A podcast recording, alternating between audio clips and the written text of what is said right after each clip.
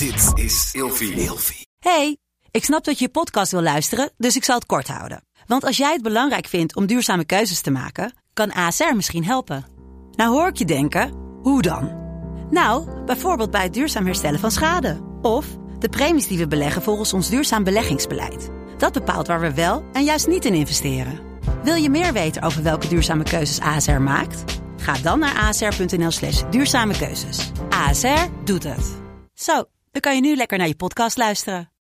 Iemand zegt in de wachtkamer zitten met een, met een spiraal in mijn gelovige dorp. Ik kreeg zoveel boze blikken. Oeh. Oh, jezus. Ja, dat vind ik wel heftig hoor. Hey, gezellig dat je luistert naar Kleine Meisjes Worden Groot. In deze podcast gaan wij samen in gesprek over de weg die jij bewandelt naar het worden van een volwassen vrouw. Hey Lot, Hey schat. hoe is het? Ja, best. Met jou? Ook zo, ik slinger die, die microfoon tegen mijn Jij mond zit aan. altijd met de microfoon Altijd. Ik loop altijd ermee te zeiken. Dat is Oh. verschrikkelijk. Hey, ik ben blij dat het weer een beetje normale temperaturen buiten zijn. Ja, God, wat was het warm. het was echt moeilijk warm. Ik vond het helemaal niet leuk meer. Nee, jij kan dat heel slecht hebben. hè? Heel slecht. Ik kan er iets beter mee omgaan dan jij, maar het Ja. was ook wel heel overdreven, zeg. Het was wel heftig. En ik heb ook, ik heb geen dubbel glas of iets. En ik woon ook nog eens helemaal bovenaan. Dus bij mij is het zo moeilijk. Fucking, alle gordijnen moeten dicht blijven.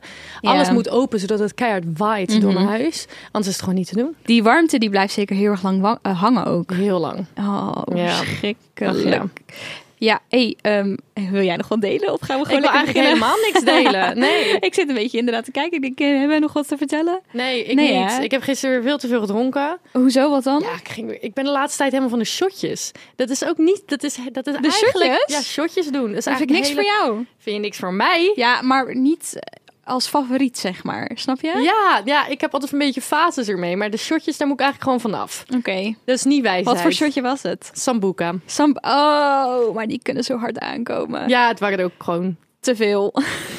ja. Oh, nou ja, oké. Ben je nog naar de dokter geweest? Ervoor, voor mijn kater? Nee. Ja, nee. Nee. Hey, daar gaan we het wel over hebben. We hebben een aflevering voorbereid over Naar de dokter gaan. naar de dokter gaan of niet naar de dokter gaan. Ja. Dat kunnen we ook eh, zeggen. Eh, we gaan beginnen met de stelling zoals altijd. Bellen naar de doktersassistent om een afspraak te maken is een grotere drempel dan daadwerkelijk naar de dokter gaan. Nou, je kan dit op twee manieren zien. Ik vind sowieso een afspraak maken met de dokter... vind ik altijd een drempel, want ik heb er gewoon geen zin in... om heel pokkend naar de dokter te gaan. Of je hebt het over belangst. En belangst heb ik gelukkig al een paar jaar niet meer. Dat Fijn. heb ik een beetje, ik weet niet, dat heb ik achter me gelaten. Gelukkig. Ik- nu bel ik letterlijk, eh hi schat, ja luister dan. Ik heb een plekje op mijn reet. Moet even naar gekeken worden, denk ik. Dus bellen vind ik niet meer eng, maar ik, ik laat heel vaak dingen gewoon wel lopen, omdat ik gewoon geen zin heb. Zit jouw eh, huisarts in Schiedam of niet? Nee, nog bij mijn ouders. Waarom bij je ouders? Want volgens mij moet die onofficieel binnen een straal van vijf kilometer of zo bij je zitten. Oh, nou dan moet ik dat echt Ja. even snel gaan veranderen. Dat ja, is een beetje dat dom van wel mij. handig inderdaad. Als er nou een keer serieus iets aan de hand is, dan moet je eerst helemaal naar je ouders toe. Ja, Dat ja. heb ik wel, heb ik ook lang gehad hoor, ook bij mijn ouders. Maar dat heb ik op een gegeven moment veranderd. Ja, ik wel laat ook. Snap je? Ja, ik snap het. Ik heb wat redenen opgeschreven ehm, als gevolg van inderdaad de stelling. ehm, waarom het inderdaad best wel een drempel kan zijn om dus alleen al te bellen naar de doktersassistent. Jij had het al over belangst, dat vind ik een hele goeie. Mhm. Eh, je kan natuurlijk bang zijn dat er iets serieus mis is. Nou ja, soms denk je gewoon van ja, eh, wat niet weet, wat niet deert, weet je wel? Ja. We, negeren het gewoon, dat snap ik heel goed. Eh, hoe leg je een probleem uit bij de assistent? Dat vind ik ook altijd wel een dingetje inderdaad. Bang om niet serieus genomen te worden of om geloofwaardig over te komen. Angst voor eventuele kosten. Oh ja. We gaan het later nog even hebben Eigen over hoe het zit met eigen risico, inderdaad. Ehm, we hebben natuurlijk soms best wel eens last van wachtrijen, doorverwijzingen, Ja, eh, dingen die niet snel genoeg gaan. Hou op, hou op. En als ik het goed heb begrepen, heb jij een leuk verhaal over je schaamlip. Ja, luister dan. Ik heb altijd, ik heb altijd, omdat ik geen zin heb om naar de dokter te gaan, dan kom ik altijd met een heel liedotje. Met allemaal dingetjes, allemaal kwaaltjes die ik het, al, het jaar daarvoor heb gekregen. Nou, ik ging dus op een gegeven moment toen ik 17 was of zo. Toen ging ik kijken naar mijn... Nee, ik was niet eens 17, ik was echt veel ouder. Ik was echt 22 of zo. En ehm, ik dacht, joh, ik ga een keer naar mijn eigen poes kijken. Ja, ik ga mezelf echt weer zo... Met zo'n spiegeltje. Ik ga mezelf echt weer zo erg exposen, jongens. Luister dan.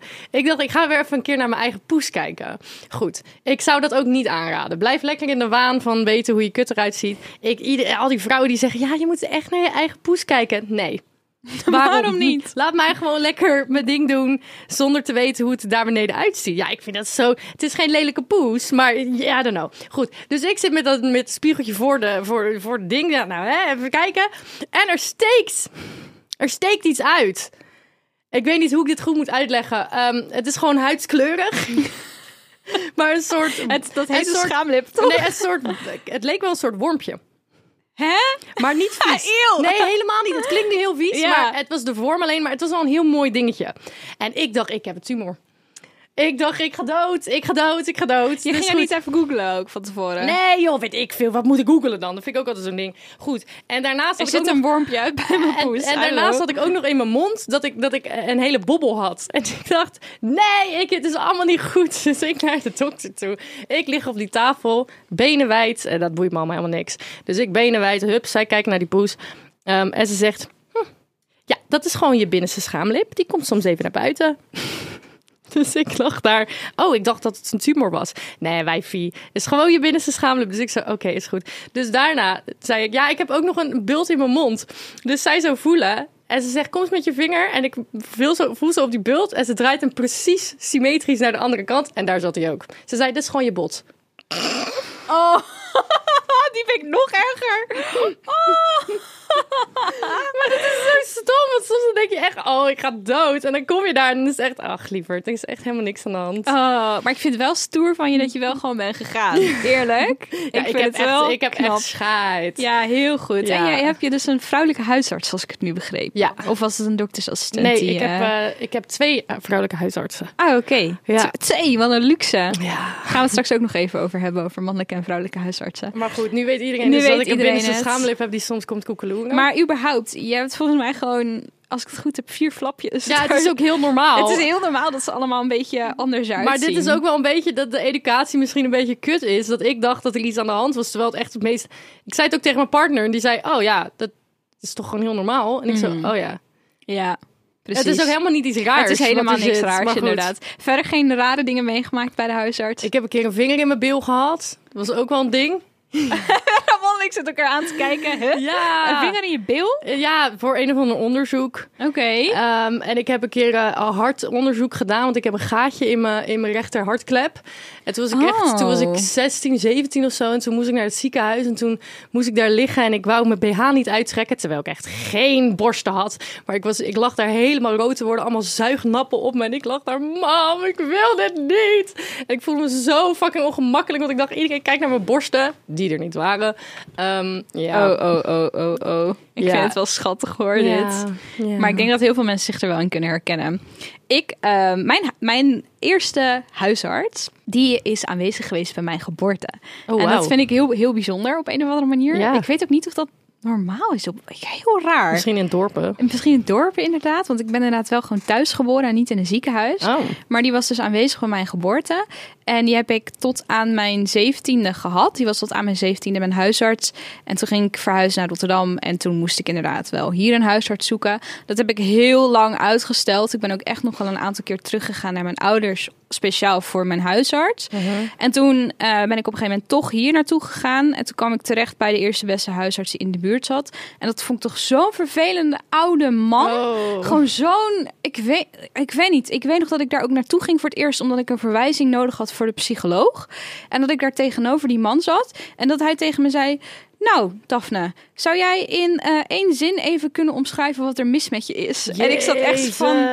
Wat, wat is dit nou weer? Dat vond ik zo, zo raar. Maar de hulpvraag bespreek je toch ook met de psycholoog? Ik, hoe kan jij dat om in één keer klap tegen hem vertellen? Ja, dat, maar je hebt ehm, voor eh, bepaalde psychologen, volgens mij kan je zeg maar, ik weet niet precies hoe het werkt, particulier, nee, privé, iets. Ik kijk even schuin naar Ramon, misschien dat hij het weet. Je hebt volgens mij twee verschillende soorten manieren om naar een psycholoog te gaan. Je kan heel veel geld neerleggen en het wachtrijen omzeilen Ja. en inderdaad naar een individuele praktijk of zo gaan. Ja. Of je kan echt je aanmelden voor zo'n instantie. En dan kom je in zo'n groot kantoorbedrijf terecht waar er twintig psychologen zitten. En dat is vaak goedkoper. En dan wordt ook een deel verzekerd. Bla, bla, bla, Maar daarvoor heb je dus een ver- doorverwijzing nodig van je huisarts. Ja. En daar ging ik voor, want kreeg jij student. Ik kreeg hem uiteindelijk wel, maar echt met heel veel moeite. Want die man was zo moeilijk aan het doen. Toen heb ik hetzelfde gehad bij die man toen ik een verwijzing wilde voor de pil. Eh, gedoe, gedoe, gedoe, gedoe. Nou, zoveel jaar later, jullie weten allebei eh, dat ik op een gegeven moment een spiraal wilde laten zetten. En dat kan je ook bij de huisarts laten doen. Nou, toen was ik al helemaal van, dit wil ik absoluut niet bij die man laten doen. En toen ben ik naar een gynaecoloog geweest, naar een vrouwelijke gynaecoloog. En vervolgens moest ik een uitstrijkje laten nemen. Dus ik werd weer teruggestuurd naar die huisarts. En toen dacht ik, nu ben ik er klaar mee. No way, José, dat ik met mijn benen wijd voor die man ga liggen. Ook al is het een professionele dokter. Ik voelde me zo Hij was gewoon een oncomfortabel. Het was gewoon een lul.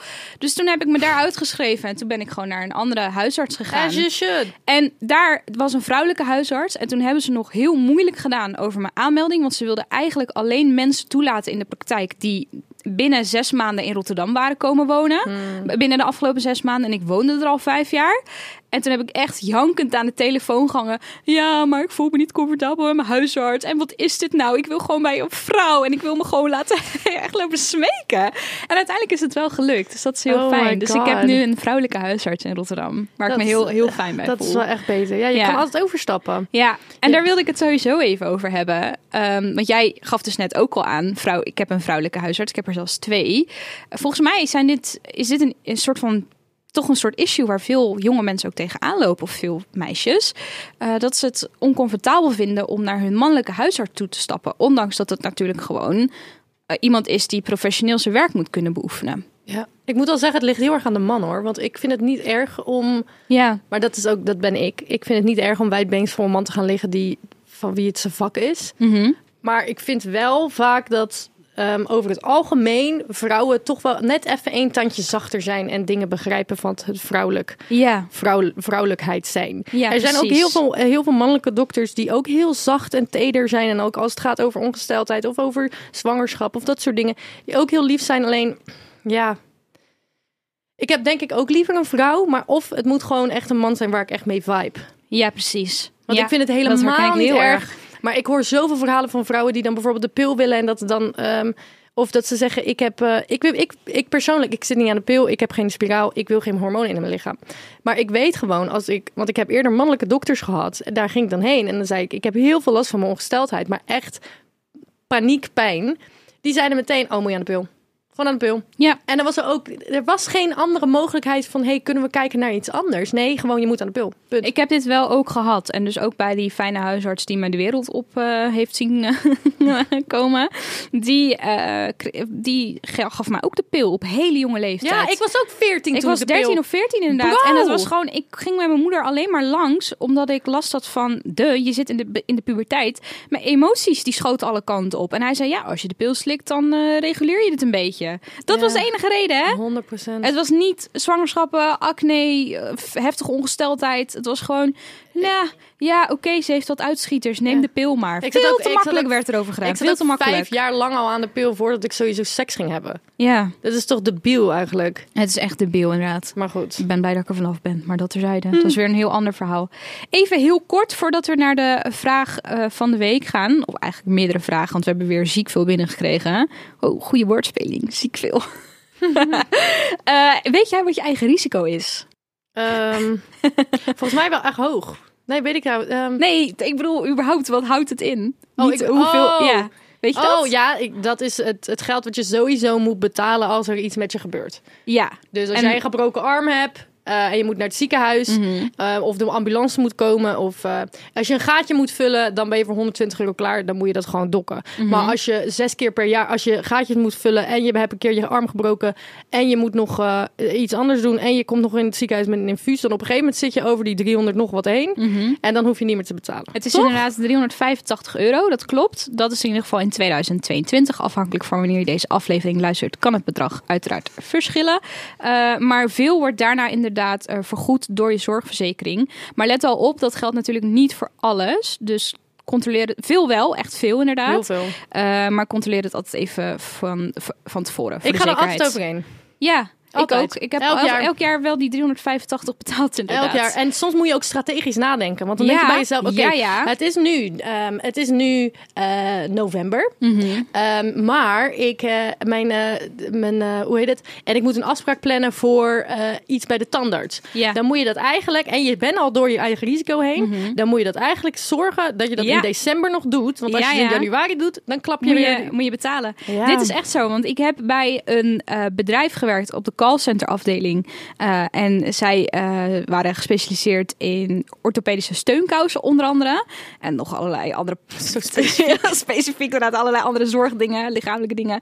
En wij moesten altijd inderdaad richting het einde van het jaar onze complete klantenlijst opbellen om dan te vragen: bent u al door uw eigen risico heen? Zo ja, krijgt u nu nog gratis steunkousen van uw zorgverzekeraar. En als u daar, als u dat niet wil, ook prima, maar maak er gebruik van, want inderdaad wat jij zegt, zodra het januari is, mag u weer even gaan dokken en het is toch best wel veel geld. Ja. En heel veel mensen vonden dat wel heel fijn dat we dat in ieder geval even aankaarten, want ja, het scheelt toch weer, wat is het, Ja. 100, 200 euro af en toe. Ja. Super netjes inderdaad. Heb jij verder nog iets toe te voegen hieraan? Anders gaan we gewoon lekker door naar de vraag van de Nou, week. ik zat te denken aan, een- aan, aan een verhaal. Hebben we genoeg tijd? Nee, hè? Ja, jawel. Over, ga maar over, door hoor. eh, gewoon de keer dat ik een keertje niet heb genegeerd om naar de dokter te gaan. Ik had het zelf bijna gedaan. Mijn ouders hebben me altijd geleerd, joh, kijk het even twee weken aan. Boeien eh, en dan pas ga je naar de dokter. Tot ik op een dag opeens blind werd. Joh, soms vergeet ik dat wel eens. Dat jij inderdaad één fucking raar oog hebt. Hoe zit het daar eigenlijk nu mee? Ik ben best oké. Ik kan het niet meer lezen of zo. Ik kan wel gewoon dingen zien. Hoe ga je Maar- dit ooit doen met autorijden? Dat mag. Dat mag. Ja, Oké, ja, ja, ja. oh gelukkig maar. Maar ehm, hoe heet het? Dan moet ik wel een bril dragen. Maar eh, ik was op de een op de, van de een op de andere dag werd ik blind aan mijn linkeroog. En ik dacht met mijn hoofd, joh, komt goed. Do ik ga niet het hele verhaal vertellen hoor. Doppie doppie dom. Ik naar mijn ouders toe. En op een gegeven moment, ik zit op de motor achterop. En ik begin zo te kijken. En ik denk, oh, ik denk dat het in mijn linkeroog zit. Ik doe mijn rechteroog dicht. En ik zie letterlijk gewoon auto's, het dak opeens in de lucht staan. Verkeersborden die gewoon helemaal uit elkaar getrokken werden. Vanuit mijn ogen, hè. Ik keek naar mijn vingers en gewoon mijn pink die stond bij mijn duim en mijn duim die stond in de lucht en alles was raar. Dus ik dacht, nou, dit is heel gek. Maar, doe, doe, doe. maar ik was ergens wel een beetje dat ik dacht, hm, het zit wel in mijn hoofd. Het is een beetje gek. hè? dus ik vertelde het aan mijn moeder en dit is de eerste keer dat ik echt, echt paniek zag bij mijn moeder. Ze kijkt me aan, ze zegt, wij moeten nu naar de spoedeisende hulp. Want zij dacht, oh, er er is iets losgeschoten of maar zo. voor dezelfde geld heb je een hersenbloeding of krijg je Ja. een beroerte of zo. Weet ik Ja. veel, ja. Dus ja, toen zijn we als een. eh, ik denk dat de dag toen nog negen uur heeft geduurd. ik ben echt van hot naar her gestuurd. Naar Ja. de spoedeisende hulp. Toen daarheen, toen naar het oogziekenhuis. Gelukkig zit het oogziekenhuis in Rotterdam. En toen is de hele ellende begonnen. Maar goed, dus als je ooit iets ehm, in je oog hebt, ga meteen. We gaan het zo meteen nog hebben over de tips. Eh, eentje daarvan sluit, sluit wel hierop aan inderdaad. Gewoon liever gisteren dan morgen. Gewoon Ja. neem je lichaam inderdaad serieus. hey, we hebben weer een hele hoop leuke dingen binnengekregen via Instagram. grotemeisjes.podcast. Echt weer gewoon te veel om er maar drie op te schrijven en daarmee te doen. Dus ik ga er weer even op mijn gemakkie doorheen. Ehm, Nou, gemakkie, gemakkie. Gemakkie, gemakkie. Met een licht, licht Gepaste spoed, Met gepaste gepaste, spoed. spoed. inderdaad. Even kijken hoor. Oh, mensen, oh jeetje, mensen die ook hele verhalen sturen. Dat ik denk, stuur dan gewoon een DM. In plaats van dat je zes keer op dat vraagbalkje aanklikt. Dat werkt namelijk echt niet. Oh ja, we krijgen ook trouwens zo vaak. Het lijkt mij zo duidelijk wat wij posten op die stories. Over hier zijn we naar op zoek. Dit is de input die we willen over dit onderwerp. En dan zijn er alsnog altijd wel tien mensen die gewoon een random onderwerp Ja. insturen. Dat ik denk, je leest echt niet. Nee. Je leest gewoon niet. Ehm, je BH uitdoen bij de dokter vind ik soms best wel een issue. Jij had het er net al over dat het jou niks uitmaakt. Nou, vroeger wel. Vroeger wel. Bij mij is het inmiddels ook dat ik denk, ja hoor, al sta ik er in mijn naki, boeit me helemaal niks. Maar Maar, ik- ik dat voel- komt met de jaren of zo, denk Ja, ik. ik denk ook dat hoe ouder je wordt, hoe meer scheid je hebt aan die dingen. Want ik ook, ja, ik ga nu, ik loop ook gewoon in mijn blote hol langs vrienden. Het boeit me allemaal echt Het niet meer. me En ook niet vroeger was ik daar zo preuts over. Iemand zegt in de wachtkamer zitten met een, met een spiraal in mijn gelovige dorp. Ik kreeg zoveel boze blikken. Oeh. Oh, jezus. Ja, dat vind ik wel heftig Maar hoor. hoe weten ze dat je voor een spiraal komt? En, eh, omdat je dat vaak in een doosje gewoon bijdraagt. Bro! Ja, die wordt er gewoon opgestuurd naar je. Of die moet je ophalen bij de apotheek. Dit Ligt doet me denken aan zo'n Ja. eh eh, conferentieshow, cabaretier show van Na- Najib Amhali. Dat hij zo'n test gaat doen en dat hij een vriend tegenkomt die door, door de zaal... Najib, kom je voor SOA? die ken ik inderdaad. ja, Heel dat is kut. Maar ja, mijn advies daarin is... ehm, Ja, dit is wel gewoon kut. Dit Doe het even in je tas. Even... Ja, ik vind het heel bijzonder. Jezus. Eh, iemand zei, en dit vind ik echt een hele, hele goeie. eh, dokters zijn niet ingesteld op queerseks. Het uitgangspunt. 100. Uitgangs... Wacht even, wat staat er nou onder? Eh, altijd, ja, iets over dat het uitgangspunt altijd straight is. Ja, dat is maar, de 100% kennis waar. straight. Ik, Ja. zei- ik heb wel eens gezegd, ja, ik heb seks. En zeiden ze, oké, kan je zwanger worden? Nee. ja, en dan is het heel, hoe dan? Hoe dan? Zit je aan de pil? Nee. Heb je condoom? Nee. Ja. Nee, nee, nee. Je kan Hoe kan je dan zwanger worden? Of hoe kan I'm je dan gay. niet? Ja, nee, ik ben gay, precies. Maar dat is echt zo. Ja, dus daar heb jij wel ervaring. Ik niet, maar jij hebt daar dus wel ervaring mee. Vind ik best wel... Daar Ja, moet je, je moet het wel, je moet het wel specifieker bij zeggen vaak. Ik heb wel ooit een eentje gehad die zei eh, partner. Partner? Heb je een partner? Oh, maar dat is wel Als iemand een goede neutrale zegt, manier dan weet ik. Ella. Ja, Ella. Ella. Ik haat naar de dokter gaan, omdat altijd alles wordt afgeschoven op mijn gewicht. Oh, Dat vind ik ook lelijk, dat zeg. is kut. Oh, wat erg. Oh mijn god. Ja, hoe ga je daarmee om? Andere dokter. Iemand zegt ook, kan je met alles naar de dokter gaan of eh, enkel met problemen die te maken hebben met ziekte? Ja, wat bedoel je met alles? Ja, psychologische problemen denk ik. Dat en dat kan wel, maar Tuurlijk je gaat je dan een verwijsbrief maken voor, eh, voor iets anders. Ja, sowieso. Eh, ik zag ook een, eh, een reactie van iemand staan. En dat was een jongere meid. En die vond het heel erg lastig dat ze eigenlijk alleen naar de dokter wilde. Zonder haar moeder. Maar Ja. daardoor durfde ze niet de dokter te bellen. Want? Ja, Omdat ze...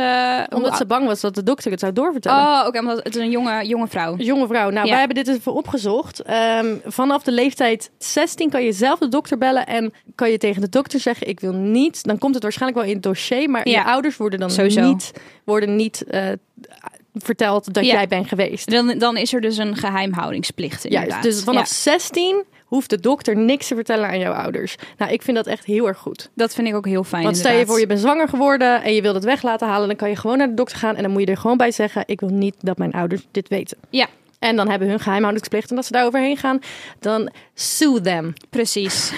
Sleep ze voor de rechter. Hey, wij lopen tegen het einde van de aflevering aan. Eh, we gaan nog even snel wat tips delen. Eh, we hebben het al een aantal keer benoemd, maar dit is misschien wel het moraal van het verhaal. Of de moraal, de moraal, het moraal. De moraal, Altijd gezeik. De, het, hè. Je zou bijna denken dat we niet Nederlands zijn. Maar goed, eh, switch van dokter of switch van huisarts Mhm. is heel belangrijk. Dus als jij je oncomfortabel voelt, en dan hebben we het dus niet alleen per se over van mannelijk naar vrouwelijk gaan. Ja. Eh, maar als jij je niet fijn voelt bij je dokter, eh, zoek dan inderdaad een andere huisartsenpraktijk op. Ga op zoek naar een andere dokter, want ja, neem dat gewoon serieus. Ja. Je kan niet. Soms gaan er jaren voorbij dat je niet naar de huisarts hoeft, en soms heb je opeens een jaar dat je iedere week Ja, bij de huisarts staat. Neem Ook- ook altijd iemand die je vertrouwt. Eh, Mhm. Neem iemand mee die je vertrouwt. Dat Ja. mag gewoon. Je kan gewoon één iemand meenemen. En deze tip hadden we het over met, had ik het over met Daphne. Hier ben ik laatst achtergekomen op mijngezondheid.net. Dit is niet voor elk dorp. Ehm, wel voor de grote steden. Op mijngezondheid.net kan je inloggen met je DigiD. Dan weten hun wat je dokter zijn, is. En niet alle praktijken die zijn daaraan verbonden. Maar ik zou zeker even kijken of dat is. Eh, daarmee kan je berichten sturen naar je dokter. Je kan afspraken maken. Ik heb zelfs op een gegeven moment foto's gestuurd van plekjes die ik op mijn lichaam Dat is had. echt ideaal. Fucking chill, want dan hoef je niet eens langs. En ze heeft mij letterlijk een, eh, verteld, oh, dit is het. En ik heb al naar de apotheek gestuurd wat je moet halen. Ja. Dus dat is super chill. Als laatste, eh, wees eerlijk ook over drugs- en alcoholgebruik. Want dat vragen ze heel vaak. Eigenlijk altijd volgens mij. Van hoe vaak rook je, hoeveel, hoeveel drink je, wat dan ook. Ja. Dat kan een beetje, een beetje beschamend misschien zijn. Of je vindt het lastig om dat toe te geven. Maar dat is wel belangrijk als het gaat over je gezondheid. En natuurlijk, alles oké is er ook voor jou. Als jij eh, ja, misschien niet meteen naar je huisarts durft te stappen. Maar je wil wel heel graag praten met iemand over lichamelijke of mentale problemen. Dan kan dat met de Alles Oké supportlijn. Dat is voor mensen van 18 tot en met 24 jaar. Helemaal gratis en anoniem. Jongens, tot volgende week. Ga naar de dokter als je iets hebt. En, ja, eh, liever gisteren dan van eh, morgen. maar sowieso vandaag. Doei doei. Doeg!